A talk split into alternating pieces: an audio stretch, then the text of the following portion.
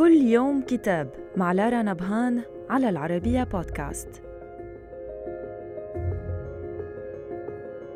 كتابنا اليوم بعنوان Life is Simple أو الحياة بسيطة للبروفيسور البريطاني الإيرلندي الأصل وأستاذ الجزيئيات الجينية بجامعة سوري جون جو ماكفادن يقدم فيه تصوراً عن تاريخ العلم لا سيما تفاصيل اللحظة التاريخية اللامعة في وقت ما خلال العصور الوسطى عند اندلاع شرارة الانتقال المذهل للمعرفة من كنف الدين إلى رحاب العلم ومن مبالغات الميتافيزيقيا إلى صرامة الرياضيات ومن أشواق الخيمياء إلى معادلات الكيمياء ومن ثم ذاك المسار التراكمي الذي اتخذته المناهج العلمية الحديثة انطلاقا من تلك اللحظة المفصلية وصولا إلى آخر مغامرات الفيزياء الكمية اليوم.